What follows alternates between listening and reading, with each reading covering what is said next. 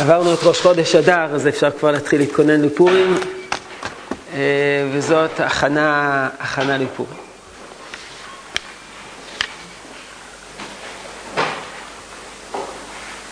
הנושא שלנו זה יין בפורים.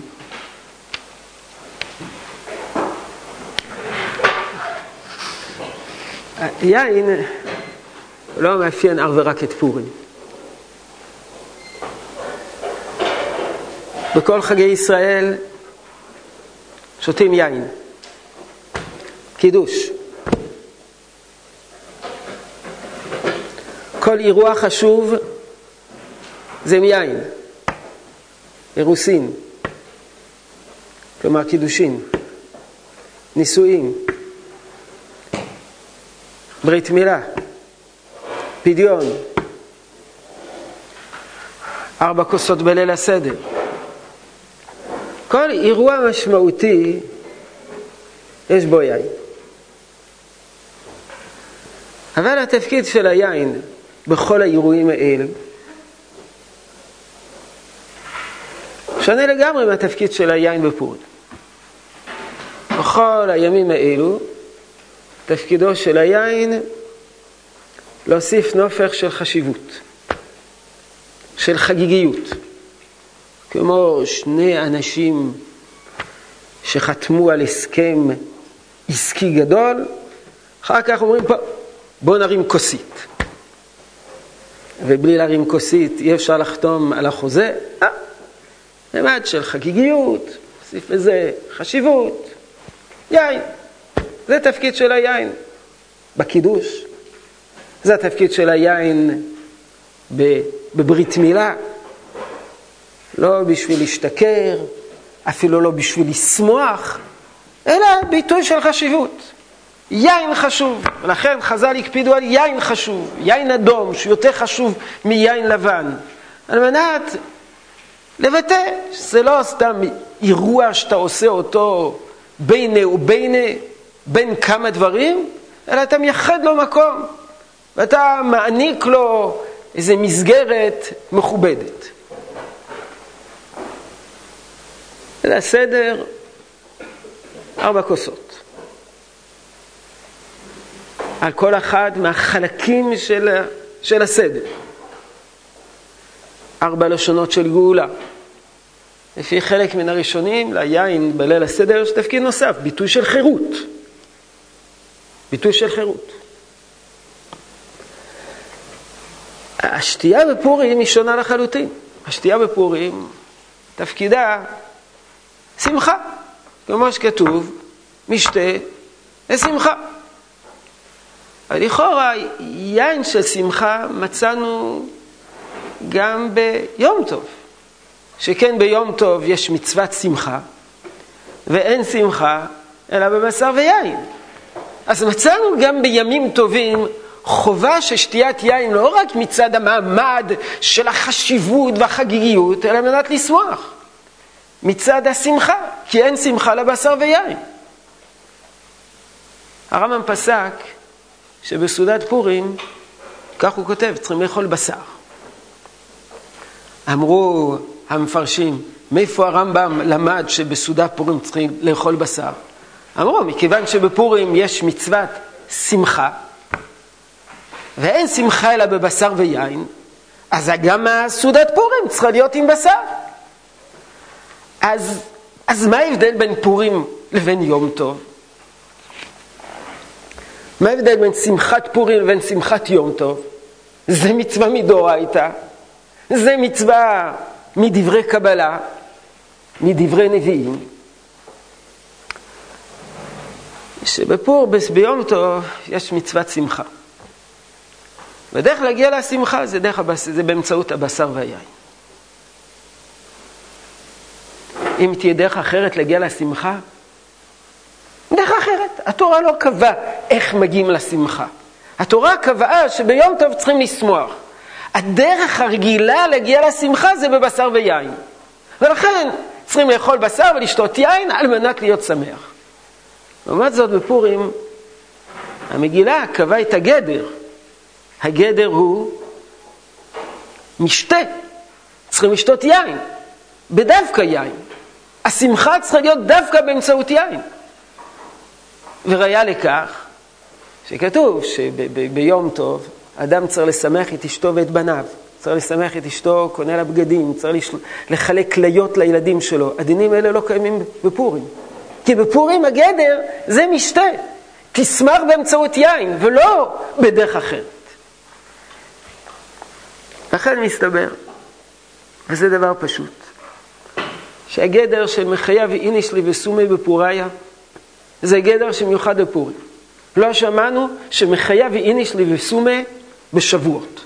לא שמענו שמחייב איניש לי וסומה בסוכות. ולא משנה לבסומה זה להיות שיכור כמולות, או לבסומה הכוונה קצת להתבשם ולהיות, להעלות חיוך על הפנים. הגדר המיוחד הזה לבסומה הוא קיים אך ורק בפורים. ביום טוב יש חובת שמחה. אין חובה לבסומה. בפורים צריכים להתבשם קצת. להתבשם זה יותר מאשר לשמוח. ביום טוב, לשמוח. בפורים, לבסומי. יותר מזה, ייתכן שביום טוב אני שותה יין ואני שמח בגלל שזה טעים. אין שמחה אלא בבשר ויין. אדם שאוכל בשר, הוא מבוסם? אז למה בשר מביא לו שמחה? כידוע, ביין יש חומר שקוראים לו אתנול, שהוא פועל פעולה כימית, ובגלל זה משפיע על האדם וגורם לו להיות שמח. אין אתנול בבשר, לא בעוף ולא בבקר. אז למה אדם שאוכל בשר הוא שמח? תשובה, כי הוא שמח. למה בשר? כי זה טעים, זה, זה לא כל יום הוא אוכל בשר, זה ארוחה מיוחדת. אותו דבר, שותה יין. למה? זה מיוחד, זה טעים, יין כזה, יין כזה. בפורים לא שותים יין בגלל שזה טעים, אלא בגלל לבסומי. בגלל שיש בו אתנול. וזה גורם לאדם להיות מבוסם. עכשיו יש מחלוקת. יש מחלוקת. וסומה זה להיות מבוסם לגמרי, להיות מבוסם זה להיות מבוסם קצת, לא להיות בכלל מבוסם. לא, לא, לא, כמובן, לא, לא, לא להיות בכלל, שזה לא, בכלל לא תהיה שיכור, אבל יבוסומה, שזה ישפיע לך רמה מסוימת של ביסום. זו הייתה הקדמה.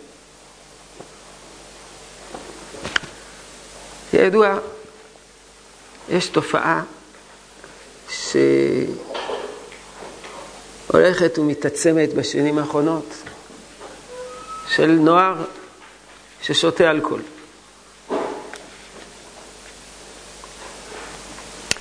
למה בני נוער שותים אלכוהול? אז אתה שואל אותם, למה אתה שותה אלכוהול? אתה רואה, שותה אלכוהול, שותה אלכוהול, שותה יין.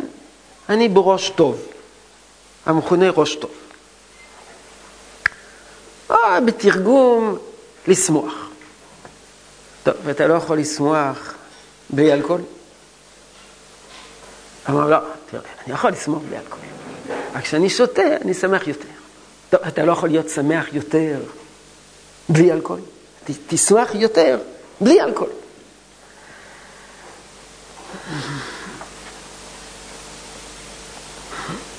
והתשובה היא, בגלל שקשה לשמוח. חלק גדול מהאנשים הבוגרים הם לא שמחים.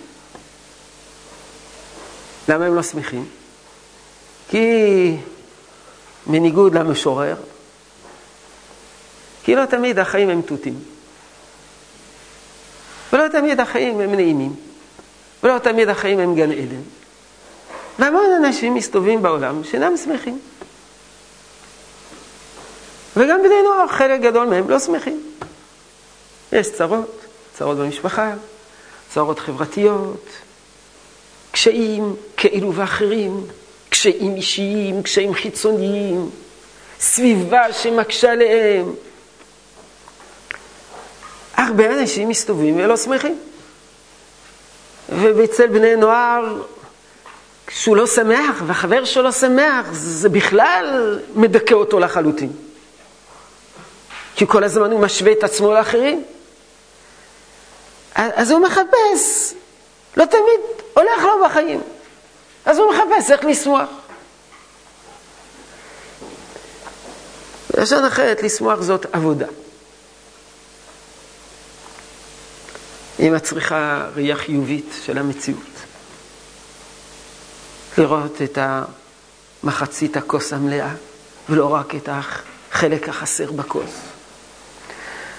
בשביל לשמוח, אדם צריך להיות תלמיד של גם זו, וכל הזמן להגיד גם זו לטובה.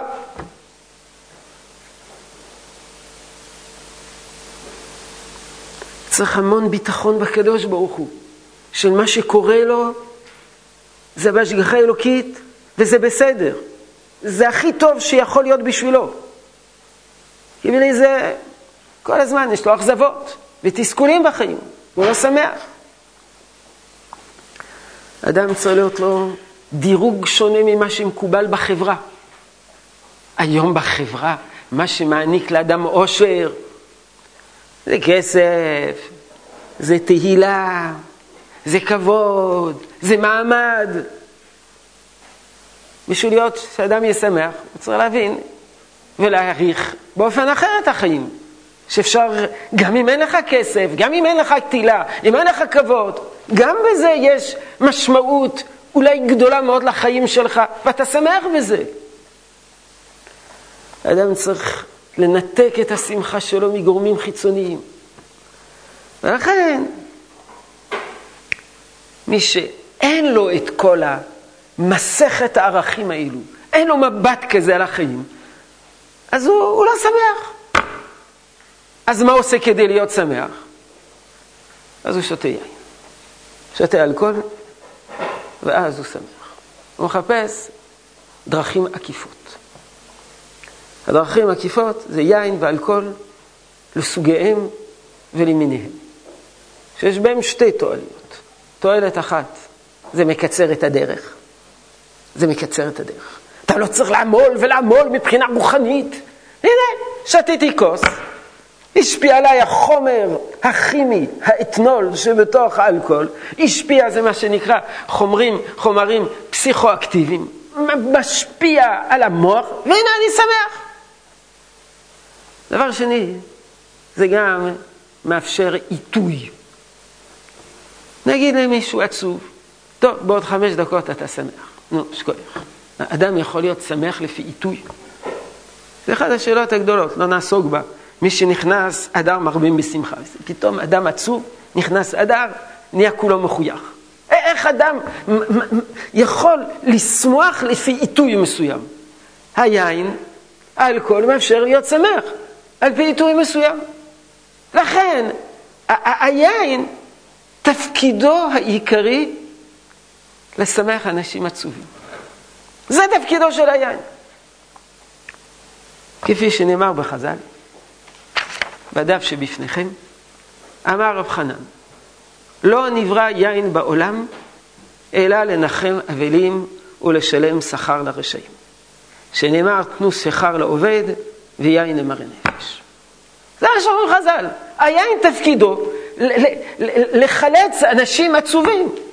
אדם נחם אבלים. מה תבוא על אדם אבל, יש לו אובדן כל כך גדול, תגיד לו עכשיו בעוד חמש דקות תהיה שמח, בוא ראייה חיובית. לא, צריכים עכשיו קצת לחזק אותו. ישתה יין, ישפיע עליו, ישפיע עליו, ייכנס בתוך המוח שלו, החומר הכימי הזה, קצת יעודד אותו. כמו שלעיתים כואב לנו הראש, לוקחים כדור. אקמול, אופטלגין, הוא, צג, הוא זקוק לכדור, הכדור זה היין. תנו שחר לעובד, יין למראה נפש.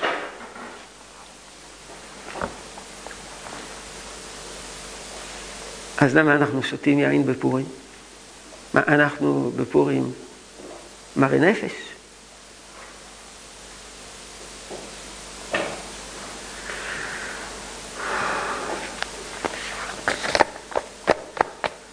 אדרבה, אם אנחנו כל כך שמחים בפורים, אז אנחנו יכולים להסתדר בלי יין. אדם שהוא שמח, הוא לא זקוק ליין. אדם שהוא באמת שמח, אז הוא שמח מבפנים, הוא מלא אושר, קורן מרוב אושר. מה, צריכים לתת לחתן תחת החופה, להשקות אותו ביין על זה שאומלל ומתחתן?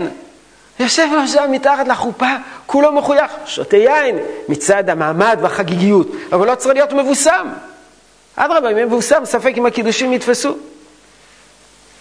אז למה בפורים, שזה יום של שמחה, אנחנו שותים? אדרבה, בפורים שזה יום של שמחה, לא היינו צריכים לשתות, היינו צריכים להגיד, לרקוד על הגג מרוב שמחה. אז אני אחזור על דברים שאמרתי בהזדמנויות קודמות. שבפורים אנחנו שמחים וגם אנחנו עצובים.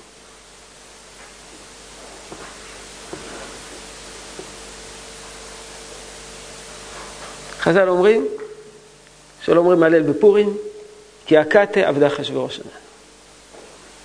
לא אומרים הלל בפורים. למה לא אומרים הלל בפורים? הקטה עבדה אחשוורוש שנה. בסוף מגילת אסתר חזרנו לתחילת מגילת אסתר. תחילת מגילת אסתר, אנחנו מתחילים עם אחשוורוש. עם כל הארמון של אחשוורוש, עם כל התפאורה הגלותית הזאת של אחשוורוש. ושם יהודים יושבים ומשתמשים שם בכלים של בית המקדש. רצו להשמיד אותנו?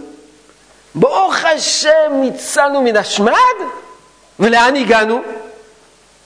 לתחילת מגילת אסתר, חזרה.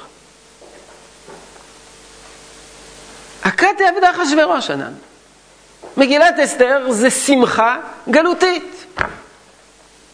אז אנחנו עצובים בפורים. אנחנו שמחים על זה שלא השמידו אותנו, על כך שהקדוש ברוך הוא הושיע אותנו ונקם את נקמתנו בגויים.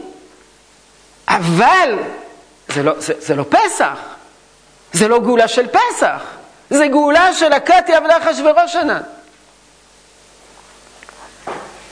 כך חשבתי לפני שנים, אחר כך ראיתי את זה שבספר הליכות שלמה, רב שלמה זלמן אוירבך היה דורש את זה כל שנה. וגם אני דורש את זה כל שנה. לא בגללו, אלא בגלל, בגלל שאני חושב שזאת ההבנה הנכונה. אז בפורים אנחנו בחינה מסוימת של מראה נפש, בחינה מסוימת של עובדים, עובדים בים הגלות. יש גם אחד מגדולי ישראל שכתב את זה מפורש, זה בספר חוכמת שלמה, הרב שלמה קלוגר, על השולחן ערוך, זה מופיע, זה הקטע האחרון של החוכמת שלמה על השולחן ערוך אור החיים, בסוף אור החיים, בכל שולחן ערוך זה מופיע, יש שם קטע ארוך מאוד, אני רק הוצאתי קטע אחד לעניינים. אמרו חז"ל, לך דעה. ולכך אין אומרים הלל בפורים, אין אומרים שירה על נס שבחוץ לארץ. ואפילו יידח מאן דאמר, דקריאתה זו הללה. זאת אומרת, יש דעה שאומרת שבאמת אנחנו אומרים הלל בפורים, והלל בפורים זה קריאת המגילה, וזה הלל של פורים. טוב, אבל אם רוצים לקרוא, לומר הלל בפורים, אז למה לא אומרים הלל? למה אומרים, למה קוראים את המגילה במקום הלל? עשו היכר. ובמקום לומר הלל, קוראים את המגילה. למה? כי כולם מסכימים שאין נס של חוץ לארץ ורצח על שווים. ולכך קראו, קבעו בפורים משתה ושמחה זכר למשתה תחילה. ובכל הימים הטובים לא מצינו רק מצוות שמחה ולא משתה. נכון ששמחה אין שמחה אלא בבשר ויין, אבל אין משתה. אז למה דווקא בימים טובים שהם דאורייתא אין משתה ודווקא בפורים שזה דרבנן יש משתה?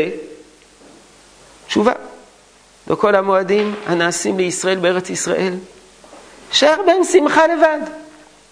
אבל בפורים, הווה ראוי שלא לשמח כלל על נס שבחוץ לארץ. אין מקום לשמחה. שמחה זו מה זו עושה. אתה שמח על זה ש, ש, ש, שקרה משהו בחוץ לארץ, כל הסיטואציה היא לא במקום. כל הסיטואציה היא מקולקלת, כל המציאות היא לא נכונה. היינו צריכים להיות בארץ ישראל. ולכך נעידי תקנו שמחה, תקנו משתה תחילה. שלא להיות השמחה מכוח הנס לבד, רק גם מכוח המשתה. כלומר, למה אתה שמח בפורים? שואלים את היהודי. תגיד, תשמע, אני שמח אה, בגלל ששתיתי חצי כוס יין וזכיתי לנס בחוץ לארץ. בגלל זה אני שמח. אני לא שמח רק בגלל הנס, אני גם שמח בגלל ששתיתי יין. גם היין קצת מסובב לי את הראש, לא רק הנס מסובב לי את הראש. כי, כי, כי נס שבחוץ לארץ לא יכול להביא לידי שמחה מלאה. אז למה, אני, למה אתה שמח? אני שמח בגלל היין. כדי שיהודי לא יכול לא יחשוב שאפשר לשמוח רק על נס שבחוץ לארץ. על נס שבחוץ לארץ אין שמחה שלמה. אז בכוונה הוסיפו גורם נוסף שכביכול נצרך, כי אתה לא יכול לשמוח שמחה מלאה על נס שבחוץ לארץ. לכן נעיד תקנו שמחה, תקנו משתה תחילה, שלא להיות השמחה מכוח הנס בלבד, רק גם מכוח המשתה. כי דרך כל השותה ליבו שמח, ותהיה שמחה גם על ידי המשתה, להראות שגם המשתה גורם השמחה. ואין השמחה שלמה לנו יען כי הנס שבחוץ לארץ ולא של ארץ ישראל. ולכך אבי משתה ואחר כך שמחה. אז זאת הנקודה הראשונה. אז הסיבה שאנחנו שותים יין בפורים, זה בגלל שאנחנו שמחים בערבון מוגבל. ואת היתר אנחנו משלימים על ידי היין, כדי להיות יותר שמח. וכדי להראות שהשמחה שלנו לא שמחה שלמה, ובעצם יש לנו עצבות פנימית.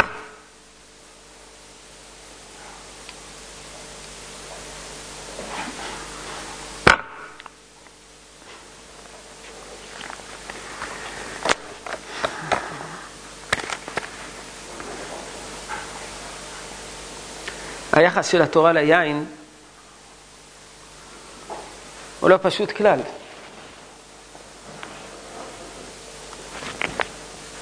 עבודת הקודש אסור לעשות עם יין.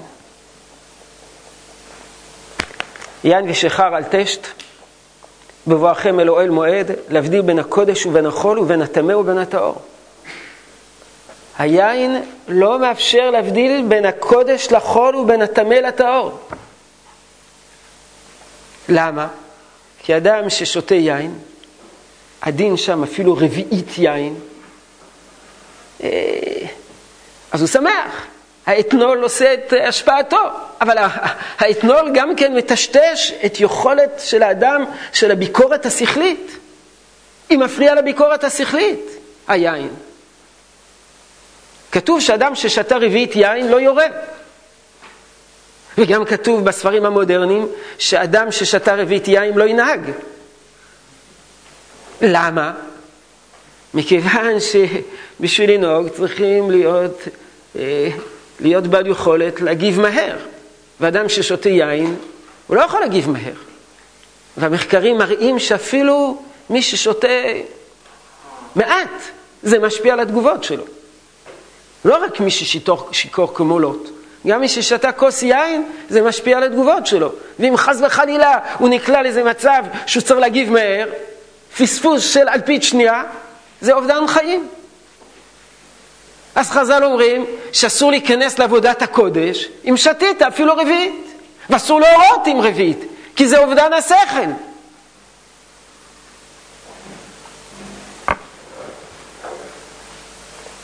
אז למה אנחנו שותים יין בפורים?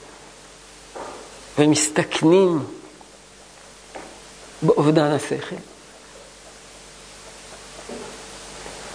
אומר המהר"ל, ימי הפורים הוא עניין אחר. כי השם יתברך הציל אותם מהמן. למה הקדוש ברוך הוא הציל אותם מהמן? בגלל שאין אדם נחשב לדבר מה, ולא עזר מצד עצמו. מכיוון שאין אדם נחשב לדבר מה, קיום שלו מן השם יתברך. בסופו של דבר פורים זו הייתה הצלה אלוקית. הייתה השתדלות אנושית. אסתר נכנסה לפני המלך אחשורוש, אחר כך קמו יהודים נגד אלה שרצו לפגוע בהם. אבל בסך הכל היה נס, נס גדול. כל המגילה באה ללמד אותנו נס, שהיה נס. נס אלוקי. שמלמד אותנו שאין לעיתים בכוחו של האדם לעשות משהו להצלתו. ושכל הקיום האנושי זה רק בזכות הקדוש ברוך הוא. ודאי שקיום של עם ישראל בגלות, כבשה אחת בין 70 זאבים, זה רק מצד הקדוש ברוך הוא, ולא מצידנו.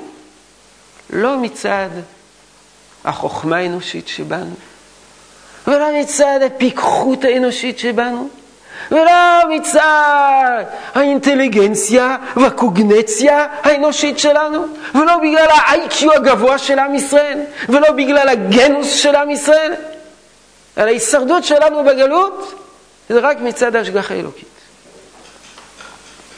רק מצד עזר אלוקי, ולא מצד הקיום העצמי שלנו. ומה שאין האדם נחשב לדבר מה? זה מצד הגוף. ולפיכך צריך לבסומי בפוריה. וכאשר הוא מבוסם, ואני יודע בין ארומן ובין ברוך מרדכי, אז מה האדם נחשב כאשר מסולק ממנו השכל? אתה תשתה בפורים? יאבד שכלך. אז מה אני שווה בלי שכל? אני בחור ישיבה, כל היום יושב על תוספותים. מפצח מהרשע, לומד קצותים, מפלפל ברב חיים. אז מה אני שווה בלי השכל? מה אני שווה? זה בדיוק מה שרוצים להראות לך. שהקיום שלך זה בידי הקדוש ברוך. אדם מתפאר בחוכמה שלו. אדם מסתובב כמו איזה טווס, מנופח. אני מבין, אני גדול החכמים, אני אנתב את החיים שלי בעולם, אני מסוגל להתמודד מול כל האתגרים האינטלקטואליים ברוב חוכמתי. ובלי חוכמה אני לא שווה כלום. נכון. אתה בפורים תלמד שבעצם לעם ישראל לעיתים אין חוכמה והעזר היחידי זה הקדוש ברוך הוא. ואלמלא הקדוש ברוך הוא לא היינו שורדים. מכיוון שמה האדם נחשב כאשר מסולק ממנו השכל? וכיוון שנחשב לקום, לכך מצד הזה השם יתברך מקיים ומעמיד אותו. כשאדם עומד מול הקדוש ברוך הוא ואמר לו, אני אסתדר לבד, אז לעיתים הקדוש ברוך הוא לא אומר, אתה רוצה להסתדר לבד כי אתה מספיק חכם, תסתדר לבד. וכאשר אדם מרגיש שבעצם אין לו קיום עצמי, אז הקדוש ברוך הוא מתחיל, מתחיל לעזור לו. אם אתה לא פותח פתח, אז הקדוש ברוך הוא אין לו לפה להיכנס. אבל אם האדם מרגיש שבעצם הוא, הקיום שלו הוא חלש, הקיום שלו הוא זמני. למה הקיום שלו הוא זמני? בגלל שהוא גוף. אה, יש בך שכל. אין בי אפילו שכל. ולאחר בימי המן, שעוד רוצה לכלות את ישראל ולאבד את גופם, ולא יהיה להם עזר, רק מן השם יתברך, אשר הוא מקיים האדם מצד שאינו נחשב לכלום מצד עצמו, רק קיומו מצד השם יתברך. זו התחושה שלנו בפורים. לא בחוכמת חכמיו ולא בגבורת גיבוריו, אלא הכל בידי הקדוש ברוך הוא. אז אנחנו רוצים לבטא את זה בזה שאנחנו מסכים את השכל שלנו בפורים. ימי הפורים יש בהם משתה ושמחה. שכל אשר יש לו משתה ושמחה, יותר אינו נחשב לכלום. ככל שיש יותר משתה, ככה שאתה שווה פחות. ואינו דומה ליום טוב. למה לא דומה ליום טוב? שהם זמני שמחה. כי אין שמחה רק שיהיה כוח לנפש. ביום טוב אנחנו שמחים כדי לחזק את הנפש. בפורים אנחנו שותים כדי לסלק את הנפש, לסלק את השכל. לא לבטל השכל ממנו, אבל בפורים כל אכילה ושתייה הוא הסרת השכל. וזה בעצם ביטול האדם, עד שאינו נחשב דבר מה. וכשלא נחשב דבר מה, הוא מבין שהוא תלוי בידי הקדוש ברוך הוא. ודי בזה למבינים דברים שהם עמוקים מאוד. אז אחת התחושות בפורים, הנה חינמי, היין מסלק את השכל. אז לא בגלל זה מצווה לסלק לגמרי את השכל בפורים. אבל עצם שתיית היין לבסומה בא לבטא את הרעיון הזה. קיומנו בידי הקדוש ברוך הוא.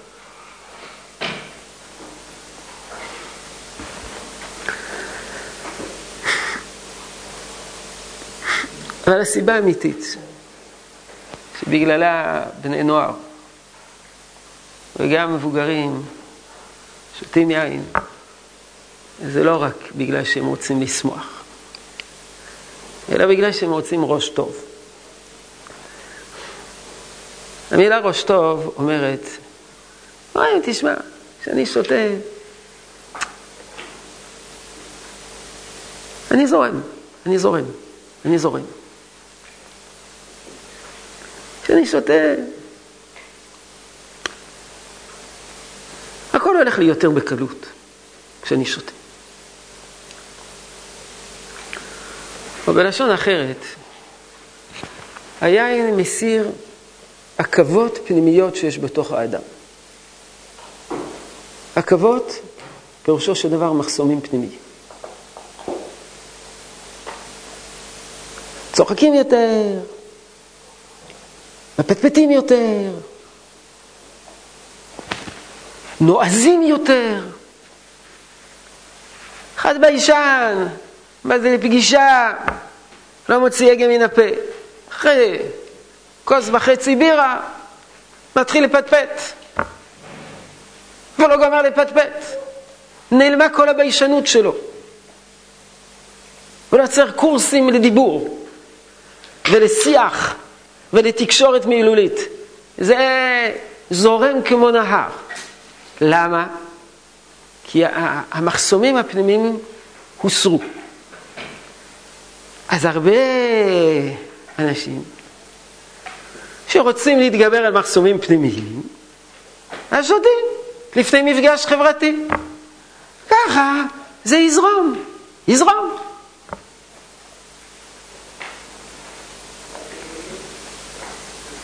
פחות איפוק, פחות איפוק. אדם שלא שותה, אדם רגיל מאופק. אדם ששותה הוא לא מאופק. לכן גם כן התגובות הרגשיות הן שונות לחלוטין. אתה מספר משהו משעשע לשיכור, הוא מתגלגל מצחוק.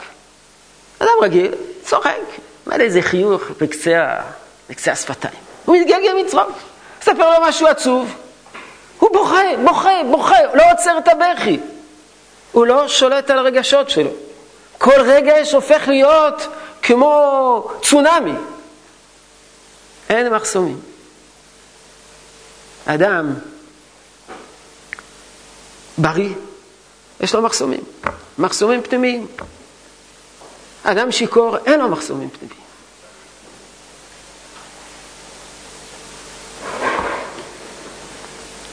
וזאת הסיבה ש... ששותים יין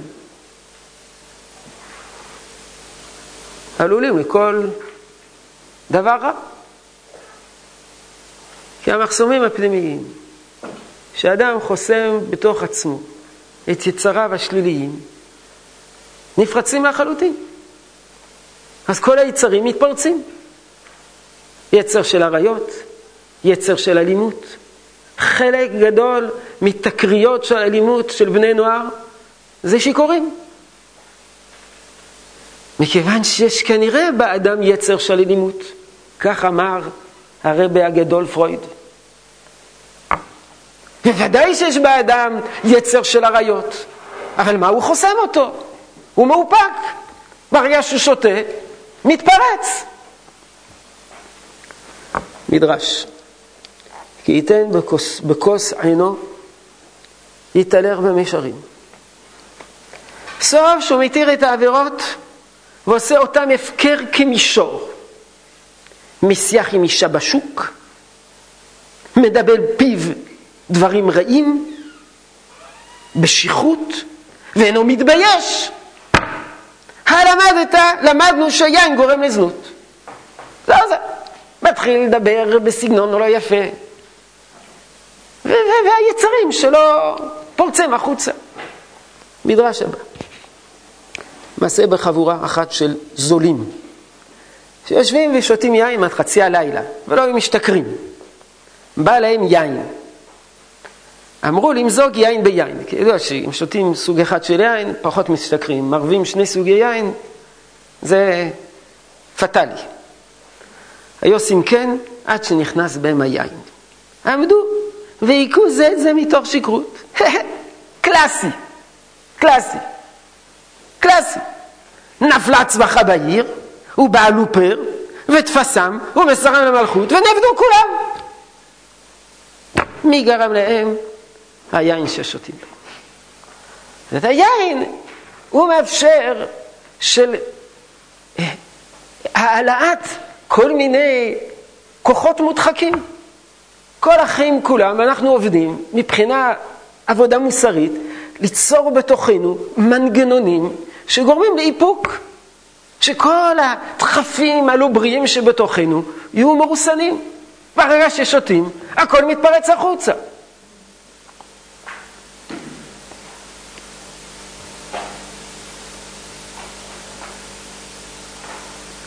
לשון חז"ל, בגמרא בעירובין, נכנס יין, יצא סוד. ידוע יין וסוד, זו אותה גימטריה, 70. זה הסוד שמתפרץ. הסוד זה, זה כל המאוויים הנסתרים שבתוך האדם. אז אדם שהסוד הפנימי שלו זה סוד קדוש. אז נכנס יין, יצא סוד קדוש. והיה, ואדם שהס, שהסוד הפנימי שלו זה יצרים נמוכים, נכנס יין, יצא סוד, היצרים הנמוכים שלו. אדם שכולו קודש, שותה יין, עוד יותר קדוש.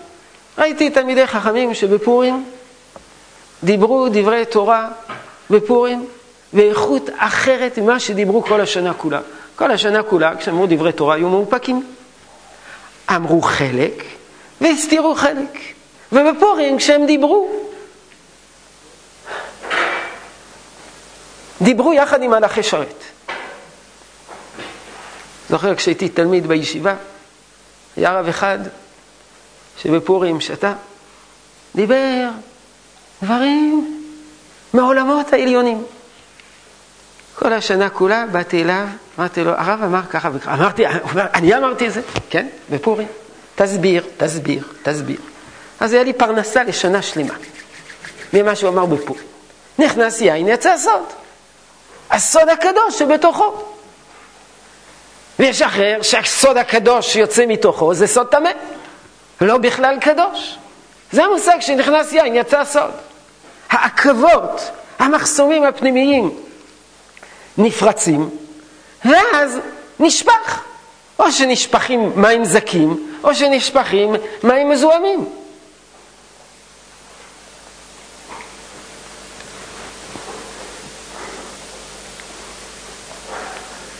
אז למה אנחנו מסתכנים ושותים יין בפורים? הוא כותב בכל בו, ואותו דבר בארוחות חיים, הם הראשונים. חייב אדם לבסומי בפוריה, לא שישתכר.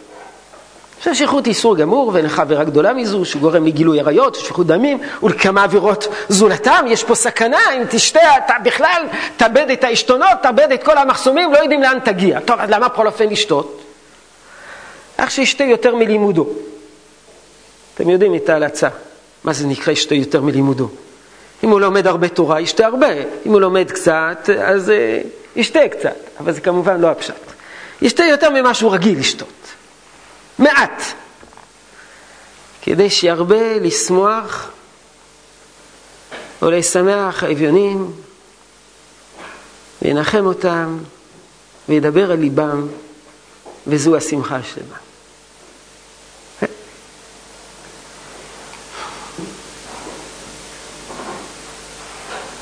גם כדי לעשות חסד ולחזק אנשים, לפעמים צריכים להתגבר על מחסומים פנימיים.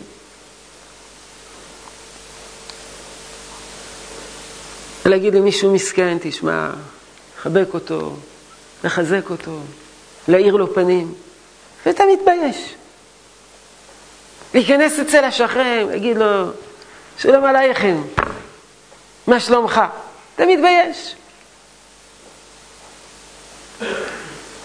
לפעמים להגיד לחבר שהוא, לא יודע, יש לו הרבה בעיות בחיים, להגיד לו, תשמע, אנחנו מאוד מעריכים אותך. אתה מתבייש. אתה לא מעז. עשר פעמים אתה מחליט, אני אדבר איתו, אני, אני, אני אתן לו שקוייך, אני אחזק אותו, אני, אני, אני אשמח אותו. ואתה ניגש עד החדר שלו וחוזר אחורה, כי אין לך את הכוח.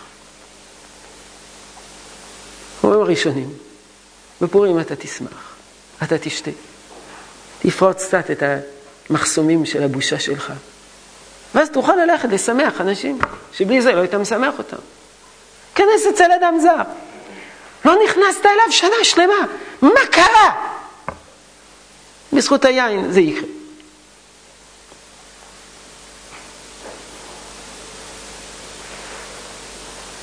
אפשר לשלוח מנות לחבר הכי טוב, ואפשר לשלוח מנות לשונא,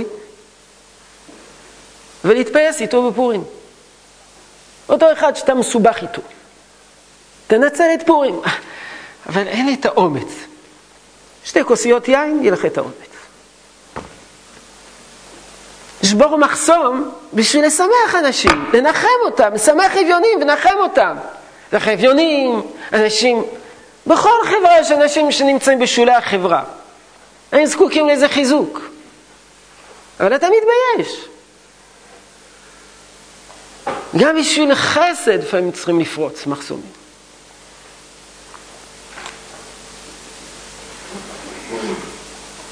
זו התשובה הראשונה. והתשובה השנייה,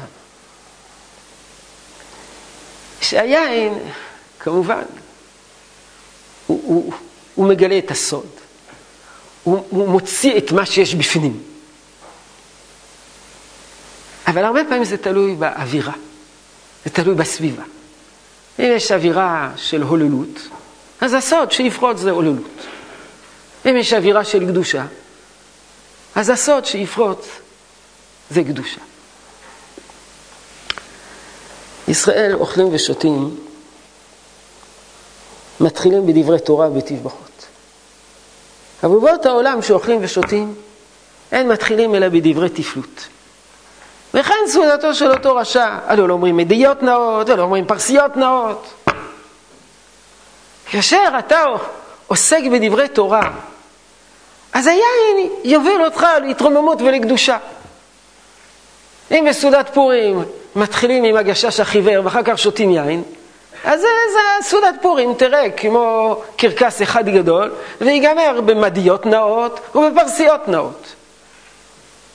אבל אם אתה מתחיל בדברי תורה, והאווירה, הסביבה, האטמוספירה, זה אטמוספירה של תורה, אז מה שיצא מבפנים זה תורה.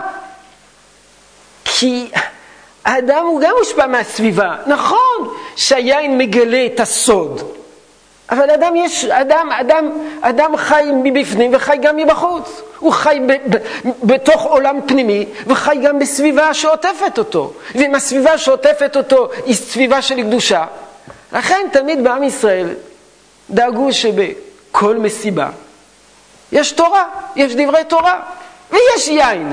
ואז היין אה, מצטרף, מתלווה, ומאפשר להוציא דברים של תורה שאלמלא זה לא היו נאמרים. אז זה הדבר השני. הדבר השני, בשביל להבטיח שיצאו סודות קדושים, אז צריכים לדאוג לכך שתהיה אווירה של תורה. והדבר השלישי, זה מה שכותב הרב קוק בעלת ראייה. אנחנו מדברי חכמים אמיתיים, זה האריזל, שקבע שיום הפורים כפורים, יום הכיפורים, יום פורים ככיפורים וכיפורים כיפורים כפורים. שערת הפורים גדולה מאוד. זה הארי. וקדושה, קדושה גדולה מאירה בו בעולם. ונראה שמתוך כך מלמעלה, האדם נשמר אז מכל קלקול. כיוון שהוא עסוק בשמחת פורים. ואין צריך כל כך להיות על משמרתו, שמא כתוצאה מן היין הוא ייפול. רק שלא יבוא חס ושלום שום דבר מדברי התורה והמצווה. תדאג לא לעבור על איסורים, שחס ושלום אין עבירה מצווה. אבל בדברי הרשות, שראוי להישמר מהם בכל הימים, כגון לשתות יין, ומה שהם מקליפת נוגה שקרובה אל הרע, ויום הקדוש הזה משומרים אנו, כי אז נפל, נפל פחד היהודים על עמי הארץ. זאת אומרת, התורה מרתיעה את כל הכוחות השטניים שרוצים לבלבל אותנו ולהפיל אותנו. ורבים מהם מתייעדים. הכוחות הארציים מתקדשים, מתייעדים. וכמו כן בכל דור ודור נופל פחד היהודים על הכוחות שרוצים להכשיל אותנו מבחינה רוחנית. ויראו לשלוח בו יד לפתות ולהסית חש ושלום. כי מצווה בעידנא דמסיק בה אגוני מגנה. מצווה בזמן שעוסקים בה היא מגינה. והנה ההערה הנמשכת ביום הקדוש הזה היא ממש מצד קדושת הגוף הישראלי. פורים זה קדושת הגוף. יום הכיפורים זה קדושה בלא גוף. פורים זה קדושה, קדושת הגוף, מסתלק השכל. אז, אז, אז, אז מה קדוש? פורים בא לומר שהגוף הוא קדוש.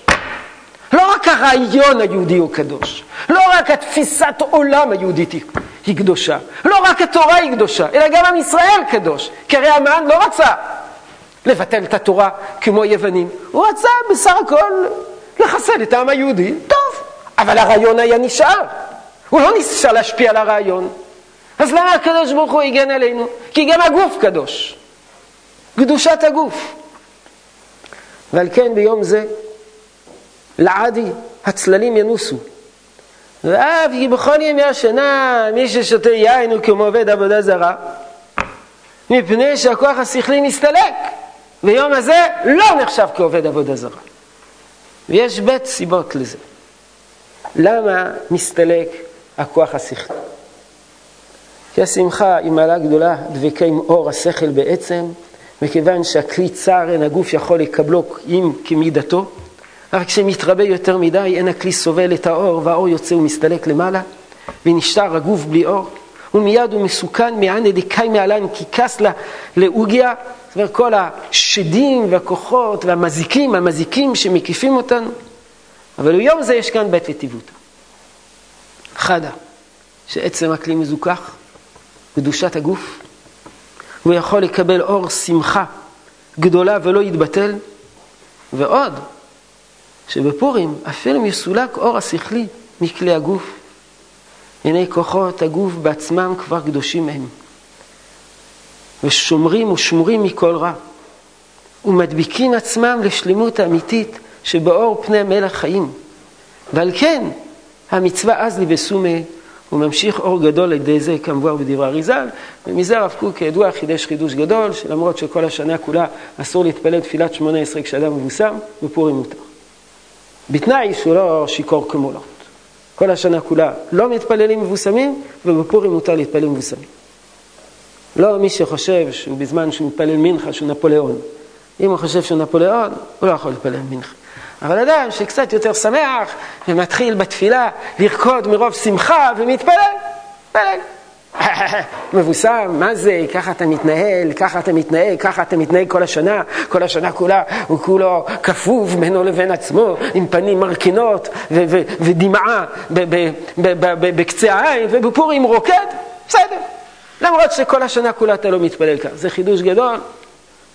לא כולם מסכימים עם החידוש הזה, הרב קוק חזר לחידוש הזה כמה וכמה פעמים בכתביו, מתוך ההבנה שבפורים הגוף קדוש. הגוף קדוש. וגם אם מסתלק השכל, נשאר גוף קדוש. כמובן, זה אם אדם מבוסם, לא שיכור כמולות. אדם שיכור כמולות, זה כבר לא הגוף קדוש, כיוון שכבר אין גוף, יש רק יין.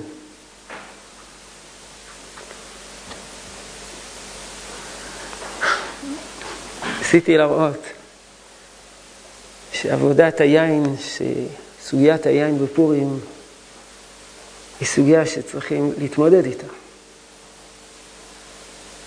היין בא לנחם, ובפורים אנחנו מתנחמים מיכת עבד אחשוורוש ענם, מנס שבחוץ לארץ. היין מסלק את השכל. יש בחינה בפורים של סילוק השכל, להבין שבכוח חוכמתנו איננו יכולים, אלא רק בעזרת השם, בסיוע אלוקי. וכל קיומנו בידי הקדוש ברוך הוא. הדבר השלישי, החשש שיפרצו כוחות טמאים ונטיות טמאות, טמאות מתוכנו, שזה הסוד שיתגלה בפורים, אז דבר ראשון, להתרכז בחסד, כמו שכתוב בכל בו ובאורחות חיים. והדבר השני, סביבה של תורה, שזה ישפיע שהכל יהיה תורה. ודבר שלישי, אנחנו גם מגלים ביום הזה שיש קדושה לגוף שלנו, ולא רק קדושה לנשמה שלנו. ועם כל זאת, צריכים הרבה זהירות. לפעמים הסוד שיוצא זה בסך הכל קי. אדם שותה וכל מה שיוצא, נכנס יין, יצא סוד, זה הקי שלו. זה לא נורא, זה לא נעים, אבל שידאג שבפורים הסודות שיבקעו ממנו, יעלו ויצופו, יהיו סודות קדושים ולא סודות טמאים.